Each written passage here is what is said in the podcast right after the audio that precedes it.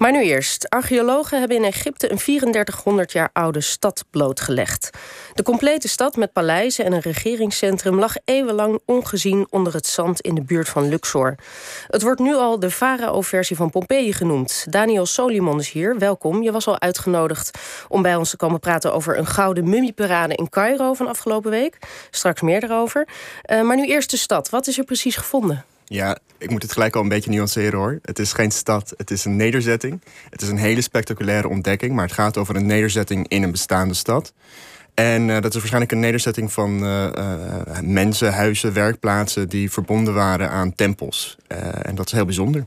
Het is, een, volk, het is geen volkswijk, het is een, het is een, een beroeps bevolkings. Daar lijkt het wel op. Ja. en er wordt al vaak gezegd: heeft het, misschien is dit wel het Pompeji van het oude Egypte.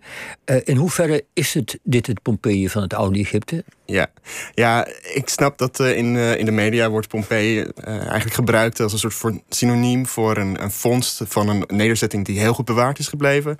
Maar ja, eigenlijk heeft het niets met Pompeii te doen natuurlijk. Hè. Het is... is het niet, wordt het niet bedoeld van het is een film als ware dat je opeens iets ziet wat je nog nooit gezien hebt, het gewone leven? Ja. Is in die, gaat in die zin de vergelijking niet wel op? In zekere zin. Uh, maar het is ook veel meer werkplaatsen. Dus uh, plekken waar mensen bijvoorbeeld aardwerk maakten, metaal bewerkten en uh, echt aan tempels verbonden waren. Dus het is wel echt een, van een hele andere aard dan in Pompeii.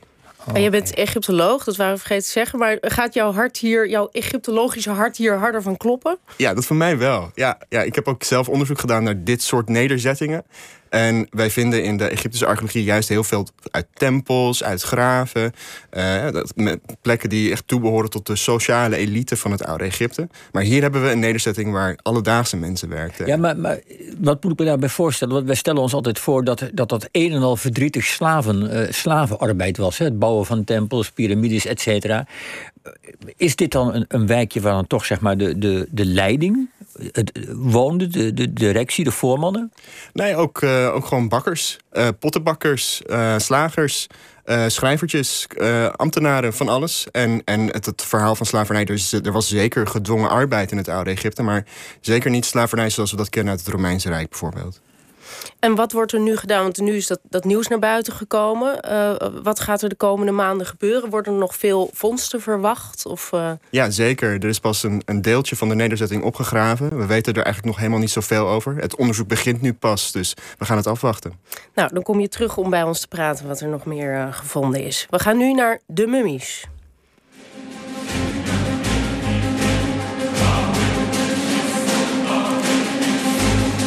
Met deze spannende muziek trok vorige week een spectaculaire optocht door de straten van Cairo. 22 mummies werden in gouden, rijk gedecoreerde praalwagens naar een nieuw museum verhuisd. Van waar die pronkzuchtige optocht?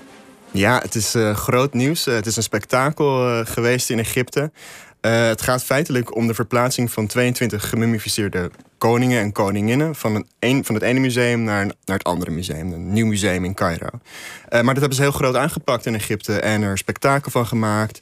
Uh, voor zowel de mensen in Egypte, maar ook heel erg wel gericht op het buitenland. Voor, voor iedereen om te zien wat er in Egypte allemaal gebeurt. En, en kun je iets meer vertellen over die mummies? Wat, wat, wat zijn dat voor mummies? Ja, het gaat om de lichamen van 18 eh, koningen en 4 koninginnen uit uh, wat we dan het Nieuwe Rijk noemen. Dus dan zitten we zo 1500, tussen 1500 voor Christus en uh, eh, 1100 voor Christus. En het is hartstikke bijzonder dat die lichamen bewaard zijn. Die zijn heel goed gebalsemd en daardoor bewaard gebleven. En die, ja, die lichamen worden al heel lang in het Egyptische Museum in Cairo bewaard. En uh, nou zijn ze van uh, dat oude Egyptisch museum naar het nieuwe Nationaal Museum uh, van Egyptische beschaving verplaatst. Onder andere vanwege de ruimte. Maar waarom niet gewoon een paar stevige vrachtwagens uh, hè, en, en gewoon goed vervoeren, maar echt een publieke parade met de hele mikmak? Ja, klopt. Ja, die plannen voor zo'n parade die lagen er, er al heel lang. ik denk al een jaar of tien. Um, maar we zien dat er echt wel een politieke kant aan zit. Dus president Sisi, eh, die was ook zelf onderdeel, de eh, Egyptische president, was zelf onderdeel van, van de parade en heeft de, de lichamen in het nieuwe museum ontvangen.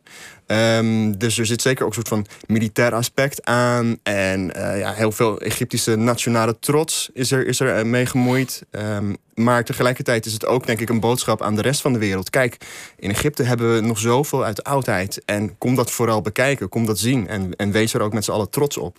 Ja, en, en is het ook een beetje deze, deze generaal, heeft tenslotte is een van de mensen die, laten we maar gewoon zo helder mogelijk zeggen, de democratie een beetje eh, een handje uit de wereld heeft geholpen in Egypte. Is het, heeft het ook te maken dat hij zijn eigen imago wil opvijzelen?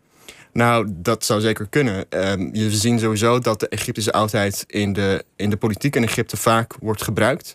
Um, de Egyptische nationaliteit nationale trots wordt vaak verbonden met het uh, verleden, het oud-Egyptische verleden. Dus dat president Sisi dat ook doet. En dat zegt hij ook zelf. Hij noemt, het, uh, hij noemt de koning noemt hij voorouders in toespraak bij, bij de parade. Ja, dat is niet zo vreemd. Je ziet dat ze vaker gebeuren. Maar zet hij zichzelf dan als het ware in een lijntje met ik denk dat je dat wel zo kan zien. Ja, hij, hij noemt het zijn voorvaderen, de voorvaderen van, van Egyptenaren. En daar hoort hij natuurlijk zelf ook. Ja. Want ze zijn in de 19e eeuw uh, opgegraven, die Mummies, als ik goed begrijp. Was er toen ook al een, een, parade van kijk, wat, wat hebben we hier? Ja, die, die lichamen zijn uh, in, inderdaad aan het einde van de 19e eeuw in het zuiden van Egypte gevonden. Uh, en die zijn toen door de, oude, uh, door de Egyptische oudheidkundige dienst verplaatst van, van het zuiden van Egypte, van Luxor, naar uh, Cairo. En er zijn verhalen dat uh, toen die, die optocht die ging over de Nijl, dat, was dat vervoer ging, ging over de Nijl, dat er toen al Egyptenaren uh, langs de kant van de Nijl stonden en stonden te wenen, stonden te, te jammeren uh, voor, voor de koningen van het, van het verleden. Maar op dat moment, in eind 19e of midden 19e eeuw, dan is het toch nog, wat is het, een Engels protectoraat of zo? Klopt, ja. dus, dus is het dan ook, een, worden die mummies dan gebruikt om de onafhankelijkheid als het ware nou ja, op de eisen gaat te vermen als, als symbool van? Zeker. Een aspect daarvan uh, is gebruikt in het Egyptisch nationalisme. Het oude Egypte is daar heel erg belangrijk bij geweest. En waar we eigenlijk in het Westen heel erg zien dat oud-Egyptische mummies, oud-Egyptische gemummiseerde lichamen als monsters tevoorschijn komen. Zie je bij, uh, het, bij de Egyptenaren van het begin van de 20e eeuw dat ze het volk toespreken. En dat ze trots inspreken. En dat ze zeggen dat, ze, uh, dat de oud-Egyptische koningen zeggen dat de Egyptenaren van nu in opstand moeten komen. En de wereld moeten laten zien wie ze eigenlijk zijn. En in 1931 zijn ze ook nog een keer, is er ook nog mee, mee gesjouwd, toch? Ja, ja dat Wat was daar de reden voor? Ja, dat heeft weer te maken met dat nationalisme. Um, in die periode was er een uh, Saad Zaghloul, een Egyptische politicus, uh, eerst gekozen uh, democratisch gekozen premier van Egypte, was overleden. Was de held van de Egyptische opstand tegen het koloniale regime van de Britten. Um, is begraven in een, uh, in een groot graf, ook in een soort van neo-faraonische stijl. En om de herinnering aan hem een beetje uit te wissen, werd er besloten om een aantal gemummificeerde lichamen uit het Egyptisch Museum vlak naast zijn graf te begraven. Zodat uh, hij een beetje zou vergeten worden en de, de aandacht op die lichamen, die gemummificeerde lichamen, zou komen te Maar dat hebben dan de Engelsen gedaan? Nou, dat was de, de Ottomaanse onderkoning op dat moment. Die een soort van uh, ja, puppet king eigenlijk was, onderkoning. Um, maar eh, dat is dus ook gebeurd. En die lichamen die zijn verplaatst. Maar er was al heel veel opstand tegen. En een paar jaar later zijn de lichamen weer teruggegaan naar het museum. Nou ging op social media ook het gerucht dat Egypte een vloek over zichzelf heeft afgeroepen door de mummies te verplaatsen. Wat, wat was daarvan de gedachte? Ja, nee, dan kom je dus weer bij dat beeld terecht van, uh, het, van de Egyptische mummies die tot leven komen. Een beeld dat bestaat in het Westen. Um, Inderdaad, er was, uh, er was natuurlijk uh, die hilariteit, met, uh, of ja, dat drama met dat, dat schip in het Suezkanaal dat vast is komen te zitten. En kort daarna was er ook een verschrikkelijk treinongeluk in Egypte. En daar, ja, daar komen dan verhalen los dat dat te maken zou hebben met de vloek van de farao.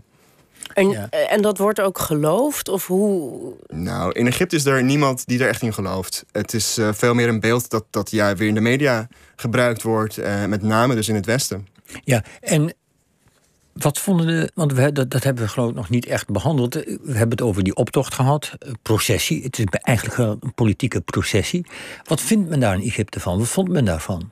Nou, er zijn Heb jij daar zicht op? Ja, er zijn heel veel verschillende uh, meningen. Nou, noem er eens, uh, er zijn, een paar. Ja, nou, er, zijn, er zijn Egyptenaren die het helemaal niet kan schelen. Er zijn Egyptenaren die wel andere zorgen aan hun hoofd hebben. Maar er zijn ook heel veel Egyptenaren die dit gewoon een, een interessant spektakel vinden. Die zelf ook die nationale trots voelen.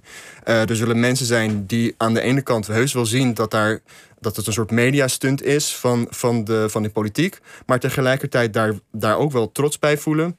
Maar er wordt ook over gelachen. Uh, ik heb ook uh, foto's gezien op het internet van uh, iemand die onderdeel was van die parade. Die was verkleed als een oud-Egyptische wagenmenner, paardenmenner. maar die een sigaretje opstak bij een, bij een politieagent. En daar staan dan grappige bijschriften bij. Weet je ja, want, want je hebt ook familie wonen daar. Want, je, want hoe zit dat eigenlijk precies? Ja, nou dat klopt. Mijn, mijn vader is, is Egyptisch en ik heb een Egyptische familie. En die foto binnen. Wat vindt je vader ervan? Ja, ja, ja de, het, daar wordt met een beetje lacherig over gedaan. Maar eh, er is ook zeker wel een aspect van, van trots. En uh, uh, dat idee dat, uh, de, dat de Egyptische oudheid zo goed bewaard is gebleven en zoveel aandacht uh, in de wereld oplevert, daar, daar, ja, daar, daar zijn Egyptenaren echt wel trots op. En tot slot, wat vind jij ervan als, als conservator en, en Egyptoloog dat er met die kwetsbare mummielichamen zo'n zo'n parade wordt gemaakt en toch enigszins ja, politiek wordt ingezet, zoals we net bespraken? Ja, ik vind het vooral heel interessant om, om te zien hoe die oudheid vandaag de dag zo'n grote rol van betekenis heeft. Um, dat er met licha dat lichamen worden verplaatst is natuurlijk niet zo heel raar. Dat doen we in allerlei andere musea natuurlijk ook. En nogmaals, er is ook uh, een nieuw museum gebouwd. Hè. Laten we dat niet vergeten. Een heel bijzonder museum. Een museum waar de hele geschiedenis van, het, van Egypte wordt verteld. Niet alleen maar het oude Egypte, ook van een moderner Egypte. En die continu continuïteit die is in dat museum heel mooi te zien. Dat is best bijzonder. Dus dat die lichamen daarvoor verplaatst zijn en daar beter tot hun recht komen, dat, uh, dat is heel interessant. Maar nu hebben we steeds over de geschiedenis die wordt gebruikt om je eigen uh, borst vooruit te, te, pronken als politicus. Maar is het nou misschien ook zo dat die, die oudheid, die klassieke oud-Griekse, uh, sorry, die Egyptische oudheid gebruikt wordt om. Want het is een land met veel tegenstellingen, veel problemen, moslims, christenen, et cetera. Om dat een beetje harmonie te brengen, is eenheid te brengen. Hoe zit dat? Nou, daar, daar, is zeker wat voor te zeggen. En, een nationale trots, het bij elkaar brengen van mensen, dat, zit zeker, dat is zeker een aspect van deze parade geweest.